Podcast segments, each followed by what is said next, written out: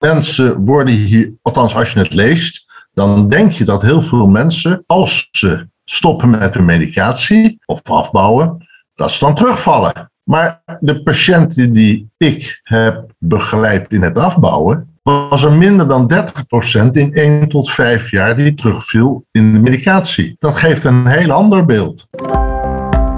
Je luistert naar Pil in de Praktijk, de podcast van tijdschrift Pil. Het tijdschrift voor nascholing over farmacotherapie en samenwerking in de eerste lijn. De presentatie is in handen van Daan van der Stap, huisarts in Vijfhuizen, en Nancy Overmars Zonneveld, apotheker in de Rijp. Hartelijk welkom bij Pil in de Praktijk. Mijn naam is Daan en ik presenteer deze podcast samen met Nancy. Hi Daan. Hoi. Toch weer even digitaal de podcast opnemen deze keer. Ja. Ja, maar nu eerst even dit. Ik jat even jouw tekst, uh, um, want dat hoor jij altijd te zeggen. Ja. Uh, die zwoele voice-over stem in de intro, die zegt net dat jij nog in de rijp werkt. Maar stiekem had ik al van jou begrepen dat jij sinds kort opeens in Assen-Delft werkt. Hoe, uh, hoe zit dat? Ja, zo, dingen gaan zo snel. En het is ook pas, het is echt vers van de pers hoor. Want ik ben er nu drie dagen geweest. En het is wel binnen dezelfde Agdava groep, maar het is inderdaad een andere apotheek. En uh, nou, wat ik zeg, ik ben er net drie dagen aan het werk. En mijn hoofd is vol, joh. Echt ongelooflijk. Ja. Ik was vergeten hoe het is om ergens nieuw te starten. En, en alle info, het is echt uh, ongelooflijk. Maar ja, ook wel weer natuurlijk hartstikke leuk. leuk. Om, ja, nou, ik, ik hoor er straks nog wat meer over, maar laten we eerst eens uh, wat de inhoud induiken. Want ik denk dat de luisteraars ook wel benieuwd zijn hoe, je de, nou, hoe het daar dan bevalt en wat er in dat volle hoofd zit. Want onze aflevering staat vandaag in teken van het afbouwen van antidepressiva. En uh, ja, we praten over dit onderwerp omdat in het decembernummer van het uh, nascholingstijdschrift Pil staat een artikel uh, over het onderwerp. en dat heet het artikel Stoppen met antidepressiva, stand van zaken en het multidisciplinaire perspectief. Ja, het is iets wat veel voorkomt, denk ik. Dus in die zin, als we het hebben over pil in de praktijk, dan is dit zeker iets wat ons mm-hmm. beiden raakt. En je vertelde me toevallig dat jullie uh, een heleboel mensen hebben aangeschreven. Klopt toch? Ja, ja ik kreeg van de apotheek waar ik mee samenwerk. Een, uh, volgens mij worden zij dat, verplicht door de zorgverzekeraar, of jullie dus, om uh, veel gebruikers van onder andere SSRI, of in ieder geval langdurig gebruik, dan moet er, ze had daar een chique naam voor de apotheker. ik ben het even vergeten, maar zij gaf mij een lijst. En ik zucht dan, denk oh, een lijst. Maar het is uiteindelijk ook wel leuk, want ik word gewoon geholpen door de apotheek. Dus zo van deze mensen zou je eens, nou ja, geef er als huisarts is, uh, op het formulier aan, is dat wel overwogen dat die mensen lang gebruiken of, uh, of niet. Mm-hmm. Dus mijn collega heeft inderdaad net echt twee weken geleden allemaal mensen uitgenodigd met een brief. En, en daar, wordt, daar komen dus op mensen reageren daar ook op? Jazeker, ja, mensen druppelen nu echt mijn spreekuur en haar spreekuur ook binnen van mijn collega. Ja. Dus ik had gisteren toevallig ook een mevrouw met venlafaxine. En vijf dagen geleden ook een vrouw met venlafaxine gebruik langdurig. Uh, dus dit kwam eigenlijk wel als geroepen, dit artikel. Want ik krijg ze nu letterlijk op mijn spreekuur deze week al twee. Grappig, wat leuk. Ja, nee, en ik moet zeggen dat het bij mijn apotheek, het verbaast me eigenlijk hoe weinig hulp er gevraagd wordt aan de apotheker, ofwel door de arts, ofwel door de patiënten zelf. Dus ik, ik heb er wel eens mee te maken. En dan kom je inderdaad wel vaak in het praktische stukje van, goh, hoe gaan we dat dan doen? En dan de, de verschillende uh, niet beschikbare sterktes die er van de verschillende middelen zijn. Uh, dus dat, het sluit inderdaad uh, hartstikke aan bij het artikel wat, wat in PIL staat, om daar wat praktische handvatten in te geven. Ja, en om van de theorie de vertaling naar onze dagelijkse praktijk te maken, hebben we vandaag dus ook een interessante gast. En dat is vandaag Paul Harder en hij is apotheker bij de Regenboog Apotheek. En hij belt straks bij ons in. Ja, heel leuk, ben benieuwd. Oké, okay, nou laten we eerst eens de feiten op een rijtje zetten. Um, want naar schatting gebruikt nu ongeveer 6% van de hele Nederlandse bevolking een antidepressivum. Wat dus echt behoorlijke aantallen zijn, hè? Ja, hè? precies. Ja. En de, nou, ongeveer de helft van die 6% gebruikt het voor depressie.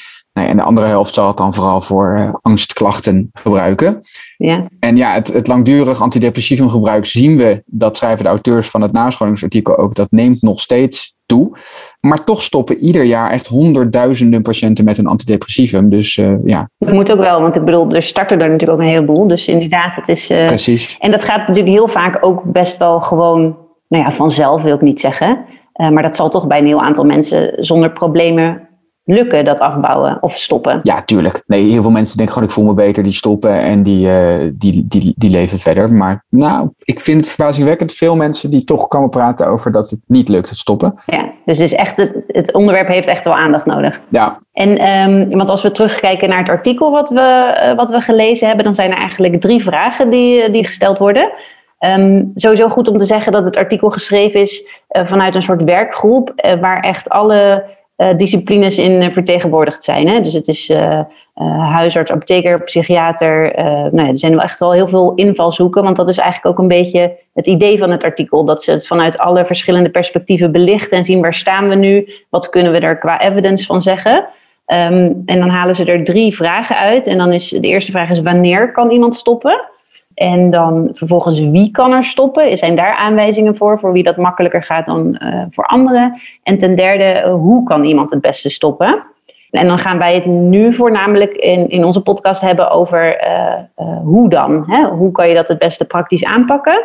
Maar goed, ook die eerste twee vragen, daar wordt natuurlijk ook aandacht aan besteed. Want dat is natuurlijk wel interessant om te weten van, goh, zijn er aanwijzingen om te denken dat het voor iemand makkelijker of minder makkelijk zou gaan?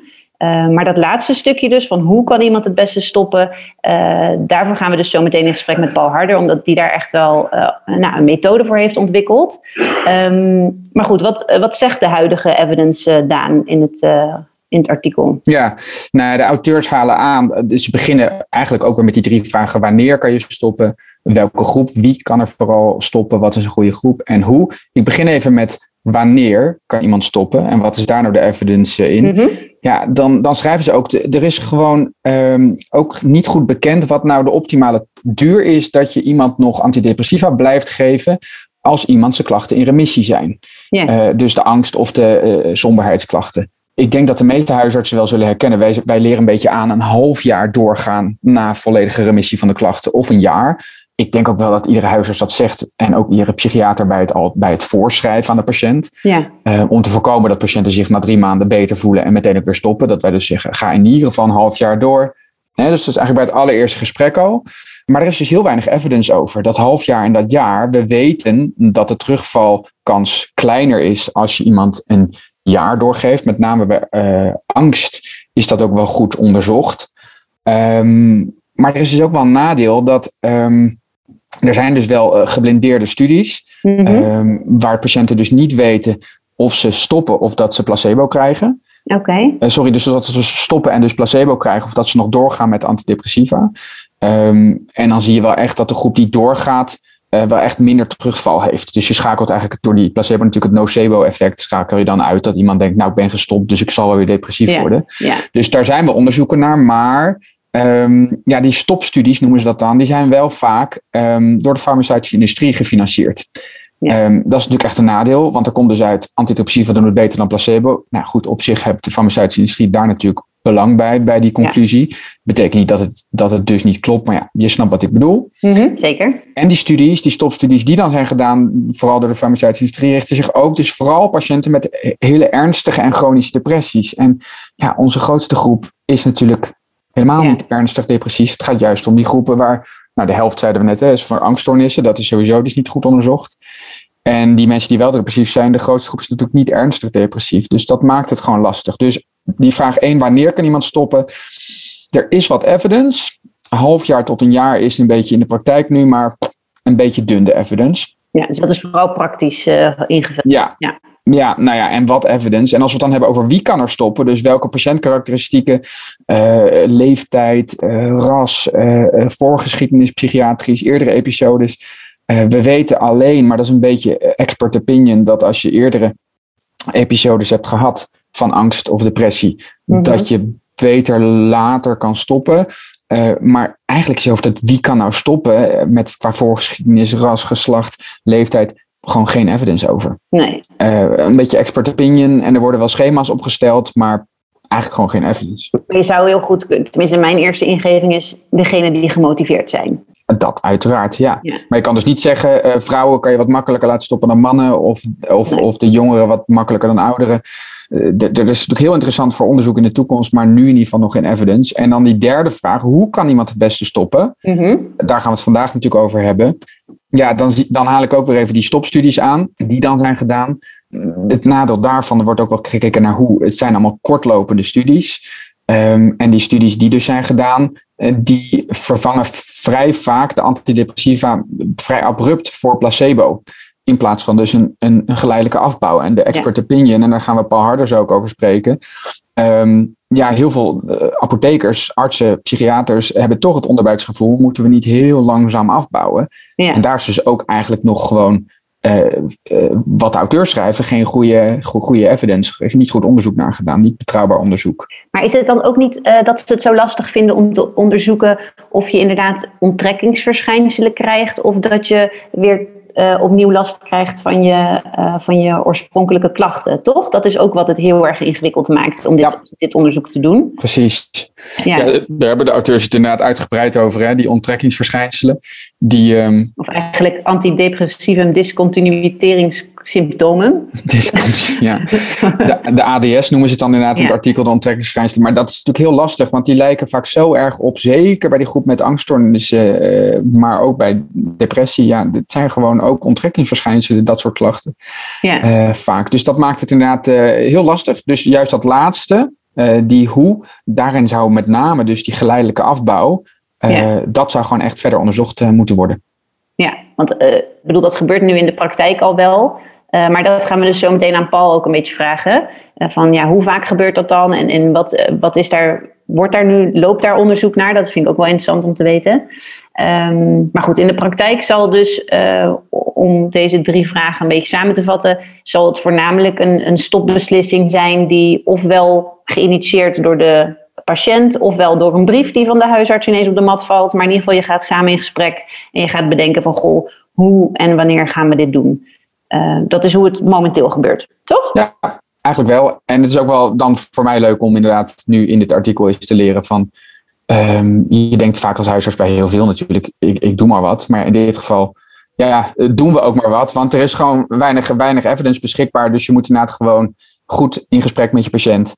Ja. Um, eventueel jou erbij betrekken. Um, om natuurlijk inderdaad als een patiënt zegt, en die vindt het heel spannend. Ik wil heel langzaam, heel langzaam afbouwen dokter, want ik vind het zo spannend ja, dan zou het dus kunnen dat ik jou bel als apotheker en zeg van, ja. joh, kunnen we, kunnen we een, een, een plannetje maken? En misschien is het eh, onzinnig, komt dat ja, jaren later nu uit onderzoek, maar misschien ook niet. Nee, maar goed, dit is wat we hebben. Dit is, het, dit is wat we nu weten, dus dit is wat we doen. Ja. Um, dus leuk om daar zo meteen uh, met Paul even wat verder in te duiken. Uh, maar nu eerst even dit.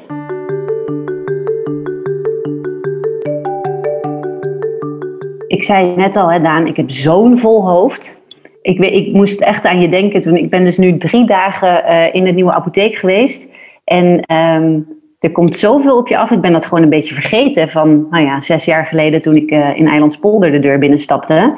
Um, dat moet voor jou net zo goed zo zijn geweest toen jij uh, in vijf huizen aan de slag ging. Zeker. Nou ja, ja, absoluut. En ik denk dat het volle hoofd is natuurlijk in het begin ook gewoon omdat alles nieuw is. Daar wordt je ja. hoofd gewoon vol van, omdat je... Je weet zelfs niet eens waar het kopieerapparaat staat, als het er al is. Precies, precies. En, en, en dat je denkt, oh ja, ik moet naar het toilet, waar was dat ook alweer? Um, uh, je hebt geen tijd om koffie te zetten of überhaupt iets te drinken. Dat denk ik dan meestal zo'n eerste paar werkdagen ergens. Dat had ik ook wel niet, maar altijd. Het is gewoon zo'n druk. Maar, je, maar het is denk ik ook gewoon meer, uh, behalve dit... Ik heb het dus nog niet heel druk, omdat ik dus ja, het is nog heel erg zoeken van wat, wat, uh, nou ja, wat is mijn rol, dat snap ik op zich. Hè. Het is fijn als ik de recepten nakijk en de vragen beantwoord.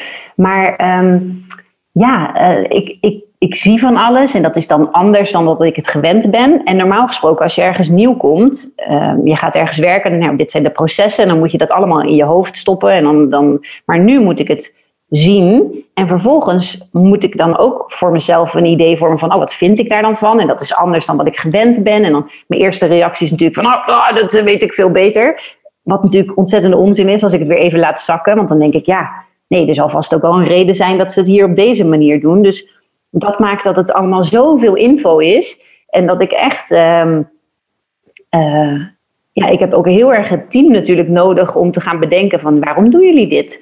En uh, sommige dingen zullen misschien wel uit uh, eh, 1963 stammen en zeggen, nou, dat hoeft misschien niet meer zo. Maar er zijn natuurlijk ook een heleboel dingen die in deze apotheek helemaal passen, terwijl dat bij mij in de apotheek die ik gewend was uh, niet zou passen. Nee. Maar dat vind ik wel herkenbaar hoor. Ik heb dat vorig jaar, anderhalf jaar geleden natuurlijk nu de praktijk overgenomen.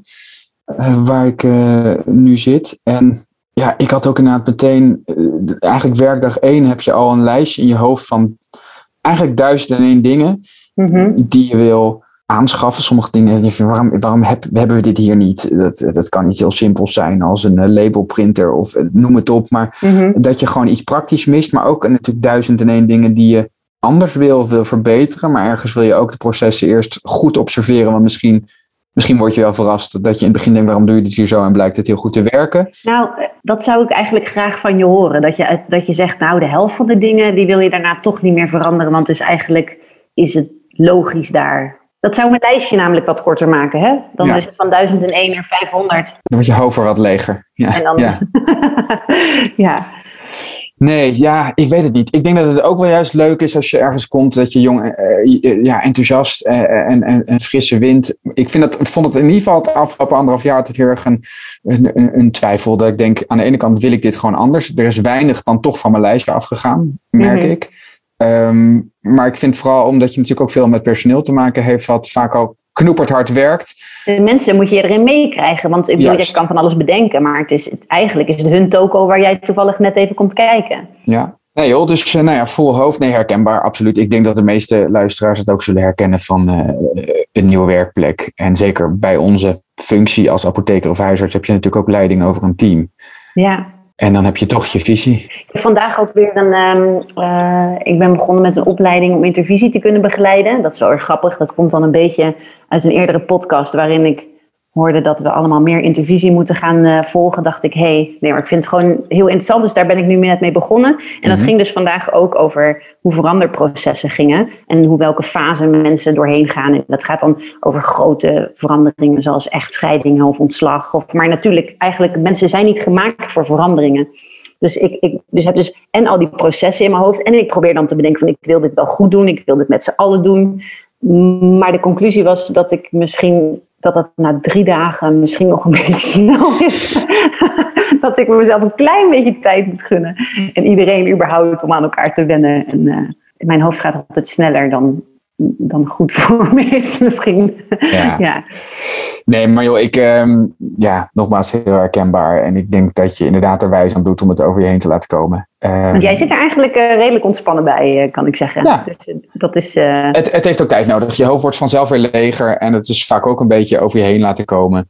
Um, dat het voor in je hoofd is. En ja. li lijstjes maken. Want anders ja. vergeet je weer dingen dat je denkt, shit, wat dacht ik gisteren ook alweer. Veel lijstjes en laten gebeuren. Want je hoofd is vol. En wat je ook doet, je hoofd blijft even vol zo'n eerste periode. Ja, precies. Nou, en dan is het ook wel weer fijn dat je gewoon kan vertrouwen op: oké, okay, wat wordt er van me verwacht? Inhoudelijk is er niks veranderd. Dat snap ik allemaal. Dus dat is dan een beetje je boei of zo. En dan de rest uh, ga ik inderdaad uh, bekijken. Maar um, ik moet zeggen, ik heb er wel zin in, maar ik, uh, ik slaap ook goed. Hè?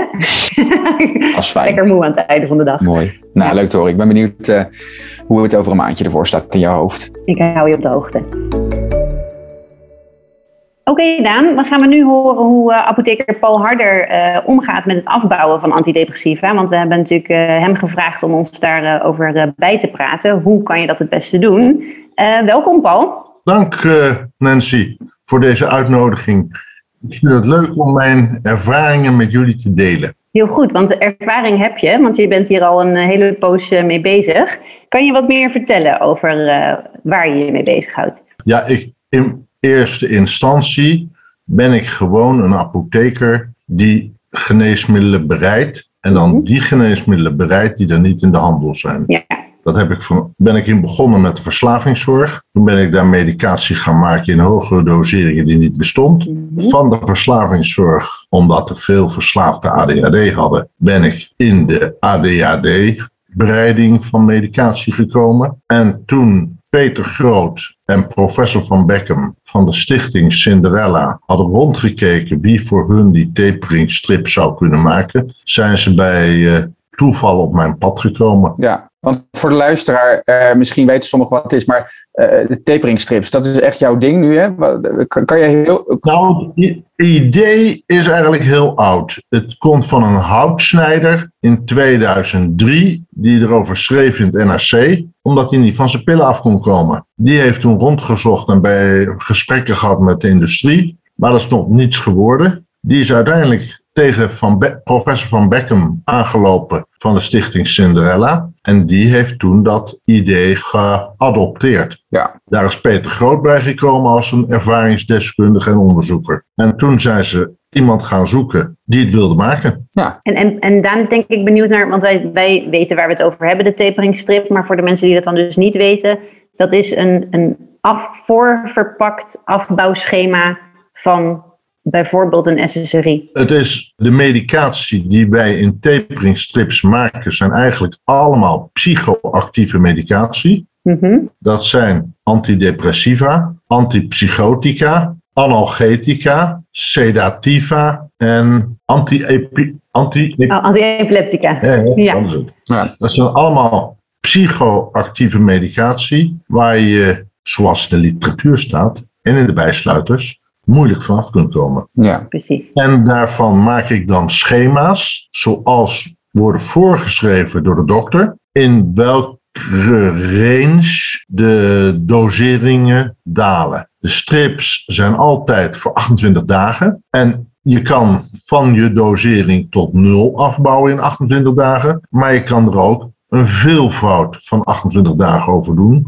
Dan gebruik je meerdere strips achter elkaar. En om hoeveel mensen eh, gaat dat nu? Want wij zeiden net, eh 6% van de Nederlanders gebruikt op dit moment een antidepressivum. Dus het gaat in zijn algemeenheid, als je kijkt naar antidepressiva gebruikers alleen al, om heel veel mensen.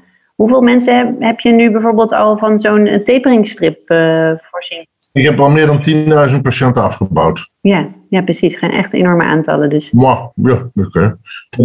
Nou ja, misschien is 10.000 weer weinig als je ziet om hoeveel mensen er eh, eh, zouden willen. Het gebruiken. Ja. Ja, Maar ik zeg, je hoort mij niet zeggen dat iedereen moet afbouwen met een taperingstrip. En dat wil ik ook heel duidelijk benadrukken, dat dat in het geheel niet mijn intentie is. Want er zijn ook mensen die zonder die taperingstrips kunnen afbouwen. Ja. ja. En heb je dan een idee om welke mensen het gaat, bij wie dat, eh, wat voor soort mensen komen er dan toch veel wel uit bij een heel geleidelijke afbouw? Nou, ik zal zeggen van de mensen die ik heb afgeholpen van de antidepressiva, was tweederde deel is vrouw.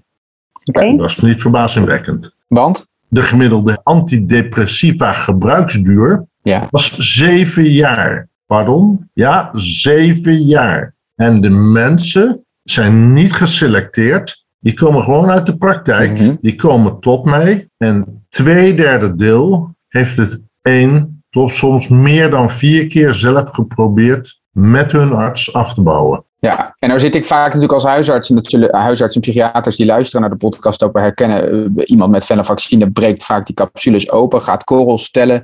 Dat is natuurlijk toch de manier waarop het al jaren, denk ik, eh, toch door artsen geprobeerd wordt om mensen ervan af te helpen. De auteurs van het artikel dat we vandaag bespreken hebben daar ook wel gewoon op apothekersgebied op een aanmerking over de vloeistoffen ehm, en die korrels en openbreken, dat dat niet altijd de methode is. En zij bevelen aan dat er meer onderzoek wordt gedaan naar inderdaad dat afbouwen gecontroleerd eh, magistraal bereid met bijvoorbeeld taperingstrips. Um, maar ze zeggen daar moet meer onderzoek naar gedaan worden. Um, maar dat, zij schrijven wel een beetje op dat dat mogelijk de toekomst is. Um, maar ja, daar moet nog meer evidence voor komen. Wat, wat vind jij daarvan? Doe jij het omdat jij er heilig in gelooft? Of zeg je, ik, ik zie wel, ik spreek collega's in het buitenland en er zijn echt studies die lopen waar we al veelbelovende resultaten zien op, op het gebied van wetenschappelijk bewijs. Oké, dan komen we nu even op de klankbordgroep. Daar staat dat er een klankbordgroep is. En dat wordt gezegd hierbij worden de verschillende, en nu ga ik voorlezen, de verschillende perspectieven vanuit de patiënt, huisarts, apotheker en psychiater belicht. Nou, ik heb in dat stuk de visie van de patiënt volledig gemist. Ook de huisarts, apotheker en psychiater slechts heel beperkt. Het enige wat ik hier lees is onderzoek, onderzoek en onderzoek. En die staan niet eens genoemd dat het uit het perspectief van de onderzoekers moet. Ja, dus jij, jij zou eigenlijk een lans willen breken voor, voor de praktijk. Nou, ik wil niet een lans breken voor de praktijk. Op het moment dat jij een stuk schrijft, klankbordgroep, je zegt dat het uit vier perspectieven is, maar je schrijft het alleen maar als onderzoeker op, dan zeg ik, nou, Mhm. je kan zo bij de farmaceutische industrie werken om de boel te besodemieteren. Ehm, is, dat, sorry, is dat netjes? Nou ja, Ik- Nou ja, het zijn jouw woorden. Om mensen op een verkeerd been te zetten. Dat moet Ja. ik zo zeggen. Maar kijk, het, ik, ik, ik snap jouw bezwaar. Kijk, aan de ene kant denk ik namelijk ook, dat zeggen, dat zeggen de auteurs van het artikel, de, de klankbordgroep ook wel. Er moet volgens hen meer onderzoek gedaan worden. Maar mijn gevoel als huisarts was na het lezen van het artikel. Nou, ehm, zij zeggen er zit wellicht echt wel wat in het gecontroleerd afbouwen. Dat hoe, daar gaan ze erop in. Maar ze zeggen maar, en zo ben ik ook opgeleid als jonge huisarts. Ehm, dat is gewoon, dat is sexy nu. Hè? Evidence-based medicine is helemaal hot. En als het niet evidence-based is, dan, dan heb je wel eens het gevoel, dan kan het de prullenbak in, want dan is het niet bewezen. Maar dat was niet het gevoel wat ik overhield aan het artikel. Ik dacht, nou, ik moet meer bij die patiënten die het niet lukt om af te bouwen, ehm, gaan doen onderzoeken. met langzaam afbouwen. Ehm, maar zeggen de auteurs dan, we zouden het fijn vinden als er meer wetenschappelijk onderzoek naar wordt gedaan. En dat hoort volgens mij een beetje in de tijdsgeest van de huidige geneeskunde. Ehm, dat, er, dat er per se gevonden wordt, moet worden, ook vanuit de zorgverzekeraars. En daar zullen we nu niet op ingaan, maar daar weet je volgens mij helaas ook meer van. Dat dingen pas vergoed worden op het moment dat er dus eh, echt ehm, hard wetenschappelijk bewijs is volgens de huidige inzichten. Maar dat betekent niet dat je dus niet. Want wat jij zegt, als je naar het perspectief van de patiënt kijkt, en dat mis ik, ben ik met je eens wel een beetje in het artikel. Ehm, dan zou je toch gewoon bij patiënten waar het echt niet lukt, waar, waarom zou je het niet proberen met taperingstrips? Maar ja, dan krijg je weer het probleem dat je zegt, ja, dan kunnen arme mensen het soms niet ehm, krijgen, omdat ze daar misschien geen vergoeding voor krijgen. Ik, ik barst los. Vertel. Nee, ik ben benieuwd naar jouw visie. Er is eind 2019 een expert meeting geweest op verzoek van VWS naar aanleiding van vragen in de Kamer aan de minister. Voorafgaand aan die expert meeting heeft de Vereniging Afbouwmedicatie een enquête gehouden onder alle huisartsen of die behoefte hadden aan meer onderzoek. Het zal wel komen dat er meer onderzoek moet komen, maar voor wie? Dus zij had netjes die vereniging van afbouwmedicatie, die ik overigens ook niet terugvind in de klankbordgroep. Want die klank ontbreekt. Ja. Ja, Die had dat onderzoek gedaan en er was niet één huisarts die behoefte had aan meer onderzoek. Dat komt mogelijk omdat het een vrij simpele methode is om van de medicatie af te komen. Bovendien was er in die tijd al één onderzoek gedaan door professor Van Os en Peter Groot, waaruit bleek dat dit een hele geschikte methode was om van die pillen af te komen. Daarna is dat onderzoek van Groot en Van Os nog twee keer op andere wijze uitgevoerd. En alle drie de keren kwam eruit, meer dan 70% procent van de mensen kan middels taperingstrips afbouwen. 10% blijft op een lagere dosering, dus komt op een lagere dosering. Mhm. En 20% daar gaat het niet goed. Bovendien werd vastgesteld dat na 1 tot 5 jaar de patiënten voor slechts 30% was teruggevallen in de oude medicatie. Ik moet zeggen minder dan 30%. Dus jij zegt eigenlijk, volgens mij is er gewoon goed degelijk onderzoek gedaan, Ja, waarin er evidence al is, zeg jij. En, en dat mis jij dus in het, in, het art, in het artikel waar we het eh, vandaag over hebben, die evidence. ja, maar dat zijn wetenschappers die het hun primaire belang niet is hoe help ik de patiënten, maar hoe doe ik onderzoek? Want daar heb ik net anderhalf miljoen voor gekregen. Ja, dat, dat laatste is natuurlijk, ik denk dat onderzoekers gewoon, eh, die willen vragen beantwoord krijgen. En dat dat een ander perspectief is dan, dan huisartsen en apothekers en patiënten hebben. Dat, dat begrijp ik. Dat die, Mhm. ehm, ik denk, eh, jouw laatste opmerking, denk ik van nou, dat laat ik even eh, achterwege. Maar het feit dat onderzoekers graag alles onderzocht willen hebben voordat iets ehm, bewaarheid is, eh, dat is natuurlijk een heel ander perspectief dan de praktijk waar wij dagelijks mee te maken Ja. hebben. Helemaal anders. Maar dan ga ik nog iets verder. Wij gebruiken nu 50 jaar antidepressiva. En nog niemand kan mij vertellen voor patiënt A welke de antidepressiva ik moet gebruiken als die voor je neus komt. Je kan hooguit iets zeggen over gemiddeldes. Nou hebben we het over patiënten die gaan afbouwen. En dan weten we bij voorbaat dat zijn geen gemiddeldes. Dus met al het onderzoek wat we gaan krijgen, gaan we nooit iets vertellen over die individuele patiënt. Maar dat is natuurlijk überhaupt altijd. Uh, je houdt altijd de discrepantie tussen. Uh, want alle geneesmiddelonderzoek zijn gemiddelde. Ja. Hè? En dan is de vraag: is iedereen vertegenwoordigd? En, en wat betekent dat dan vervolgens? Helemaal waar, maar bij, bij dit weten we bij voorbaat al dat we geen gemiddelde hebben. Nee, en dus daarom ben ik vooral heel erg benieuwd. Uh, nou, ik ben vooral benieuwd van, goh, wat gaat dit, gaat dit over enkele jaren wellicht toch uh, vergoed worden? Want op het moment dat iets vergoed wordt, dan wordt het dus voor iedereen bereikbaar. En welke plaats gaat het dan krijgen? Maar hoe, kan je iets zeggen over hoe... Dat zijn twee hele verschillende vragen die jij stelt. Jij vraagt iets over vergoeding. Die vergoeding kan er morgen zijn als die zorgverzekeraars, ik spreek ze meestal met een ander woord aan, gewoon betalen.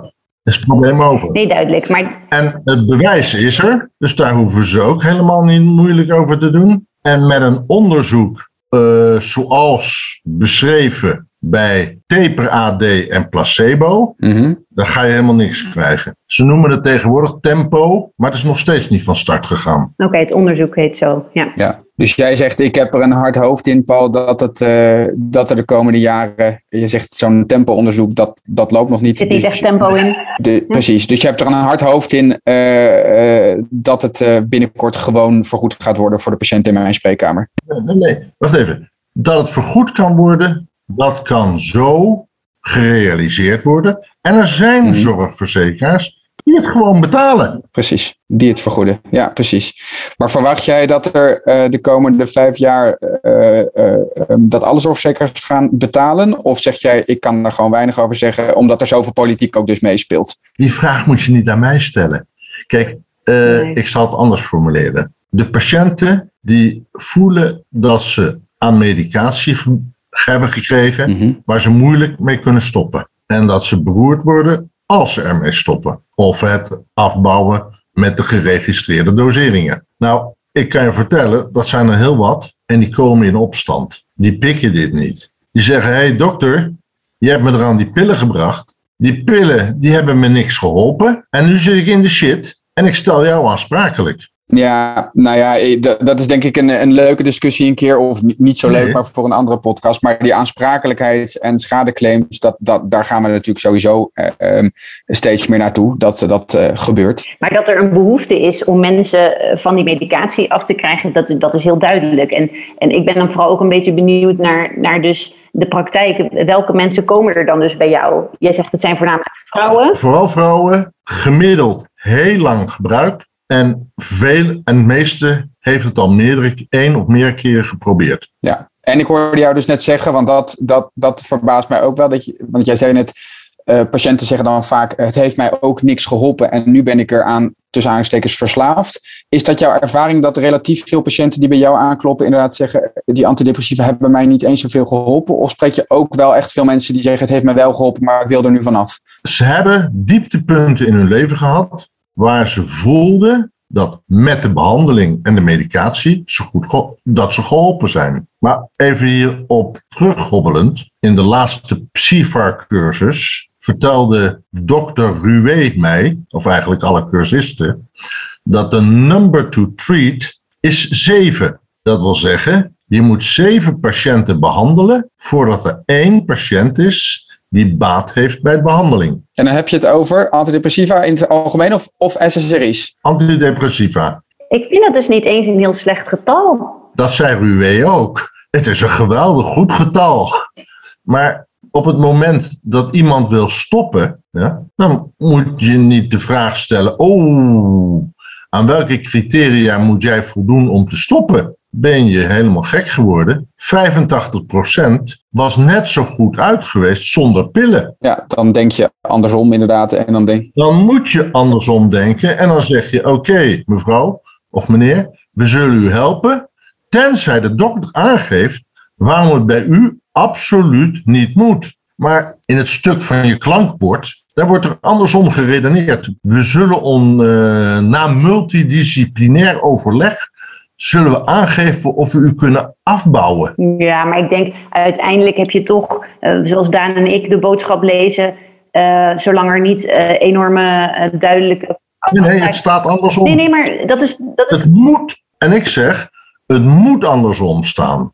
Je moet in eerste instantie zeggen, nou, we gaan ervan uit dat hij tot die 85% behoort. Tenzij iemand mij overtuigt dat hij tot die 15% hoort en er echt langdurig baat bij heeft. Ja. Ja, maar uiteindelijk wil ik beide groepen natuurlijk, ja. zowel de 15% als de 85%. Als ze zeggen ik voel me goed dokter, wil ik beide groepen van de pillen af. Nou, ja, maar je kan bepaalde redenen hebben dat je zegt nou, die moet gedempt blijven. Want die is zo, ik weet niet wat daar een medische term... Kwetsbaar. Kwetsbaar. Of, ja, laten we het... Ja? ja? Maar dan komen we bij die vraag 1 en 2 die de auteurs beschrijven van wanneer kan je stoppen en wie kan er stoppen. En als je nou bij die wie-vraag al besluit, dit is een kwetsbare patiënt met recidiverende depressie, dan is het natuurlijk logisch, en dat doe ik als huisarts ook, dat ik dan besluit, weet je wat, misschien kunnen we beter niet stoppen. Dat mag, maar je moet de vraag dus omdraaien, ben ik van mening. En dan komt het, nu worden wij angstig gemaakt met dit stuk over een onderzoek uit 2003, waaruit bleek dat na stoppen veel patiënten terugvielen. Dat is een onderzoek van 18 jaar geleden. Dat wordt aangevoerd als bewijs om langdurig te behandelen. Als je het onderzoek leest, dan had daar nog niemand gehoord van onttrekkingsverschijnselen. Nee, ja. En dat is waar, waar we het net heel duidelijk over hebben gehad. Dat, dat dat onderscheid natuurlijk van wezenlijk belang is om überhaupt te kunnen interpreteren uh, wat het effect is van stoppen of afbouwen.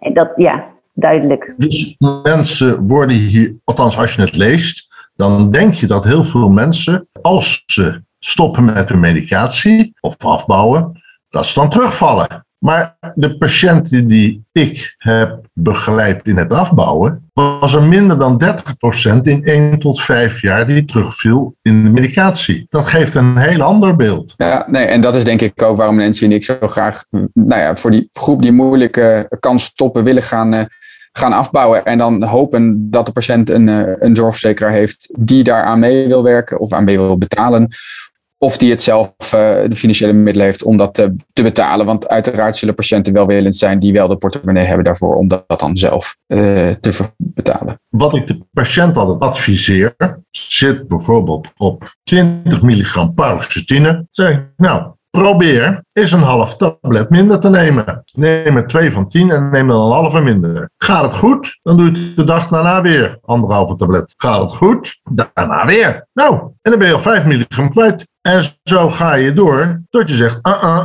uh als het dan van 15 naar 10 gaat en het gaat niet, dan zeg ik nou terug naar 15 en dan moet je het langzamer doen. En op het moment dat die mensen weten waar het probleem zit, want zij herkennen die verschijnselen als hun depressie, als wat ze eerder hebben meegemaakt en zijn doodsbang. In het slechtste geval zet iemand zijn vliegtuig neer in de Alpen met alle passagiers erbij.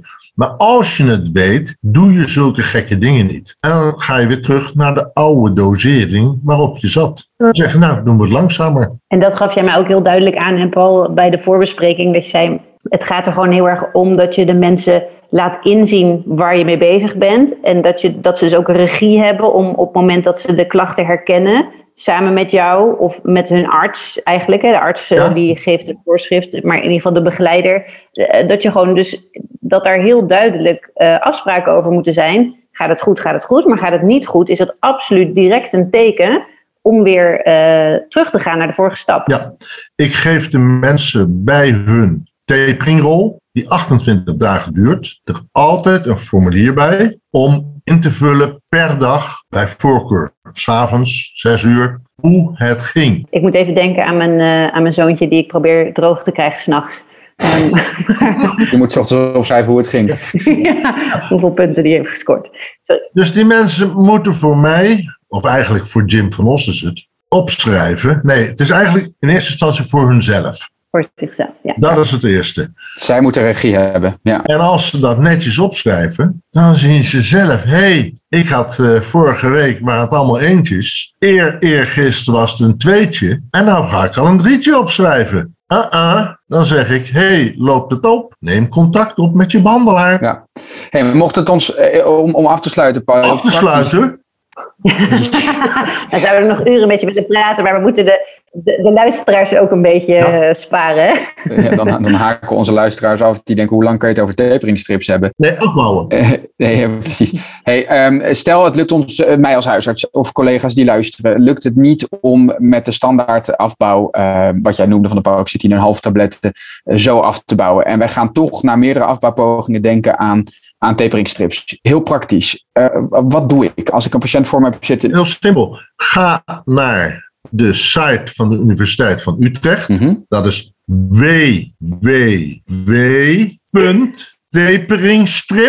www.taperingstrip.nl. Nou, dat is te overzien. Duidelijk, duidelijker kan het niet. Ik vertel het ongeveer 30 keer per dag. Hartstikke mooi. Taperingstrip, hè? niet meervoud. Strip. Nee, duidelijk. We gaan- Het staat genoteerd. Daar vind je ook de onderzoeken. En daar vind je alle informatie. En het groeit met de dag bij- door. Mooi.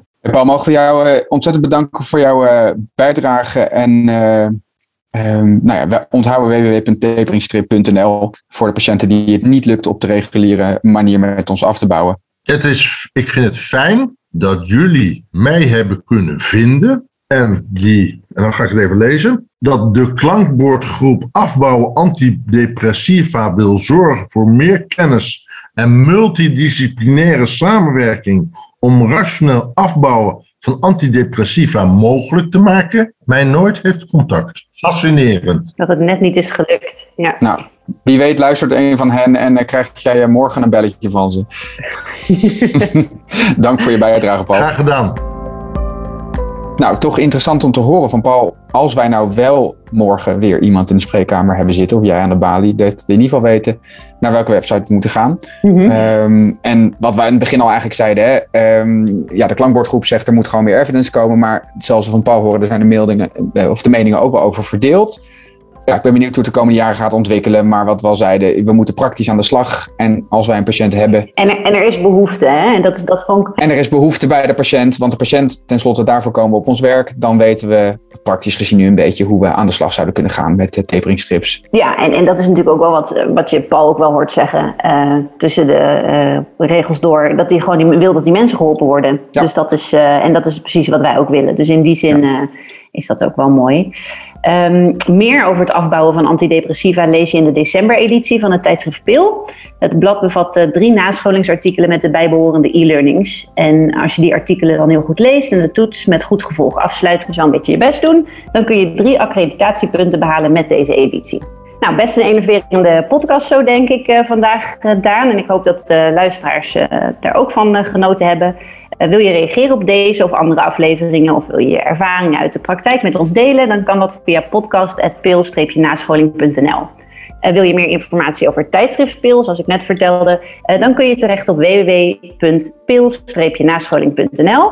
En dan voor nu veel dank aan Paul Harder, onze gast. En jij ook bedankt, Daan, voor een weer een heel vol jaar met de podcast. Want de volgende keer dat ik je spreek, is het in het uh, nieuwe jaar. Zit alweer in 2022. Dus we wensen onze luisteraars fijne feestdagen. Een mooie jaarwisseling en uh, heel graag tot de volgende keer. Ja, jij ook uh, fijne feestdagen Nancy en ook aan de luisteraars. En we zien jullie, horen jullie graag weer in 2022. Tot dan. Tot dan. Je luisterde naar Pil in de Praktijk, de podcast van tijdschrift Pil. Het tijdschrift voor nascholing over farmacotherapie en samenwerking in de eerste lijn. Pil verschijnt vier keer per jaar in de vorm van een papieren tijdschrift en geaccrediteerde e-learnings. Ga voor meer informatie en abonnementen naar www.pil-nascholing.nl.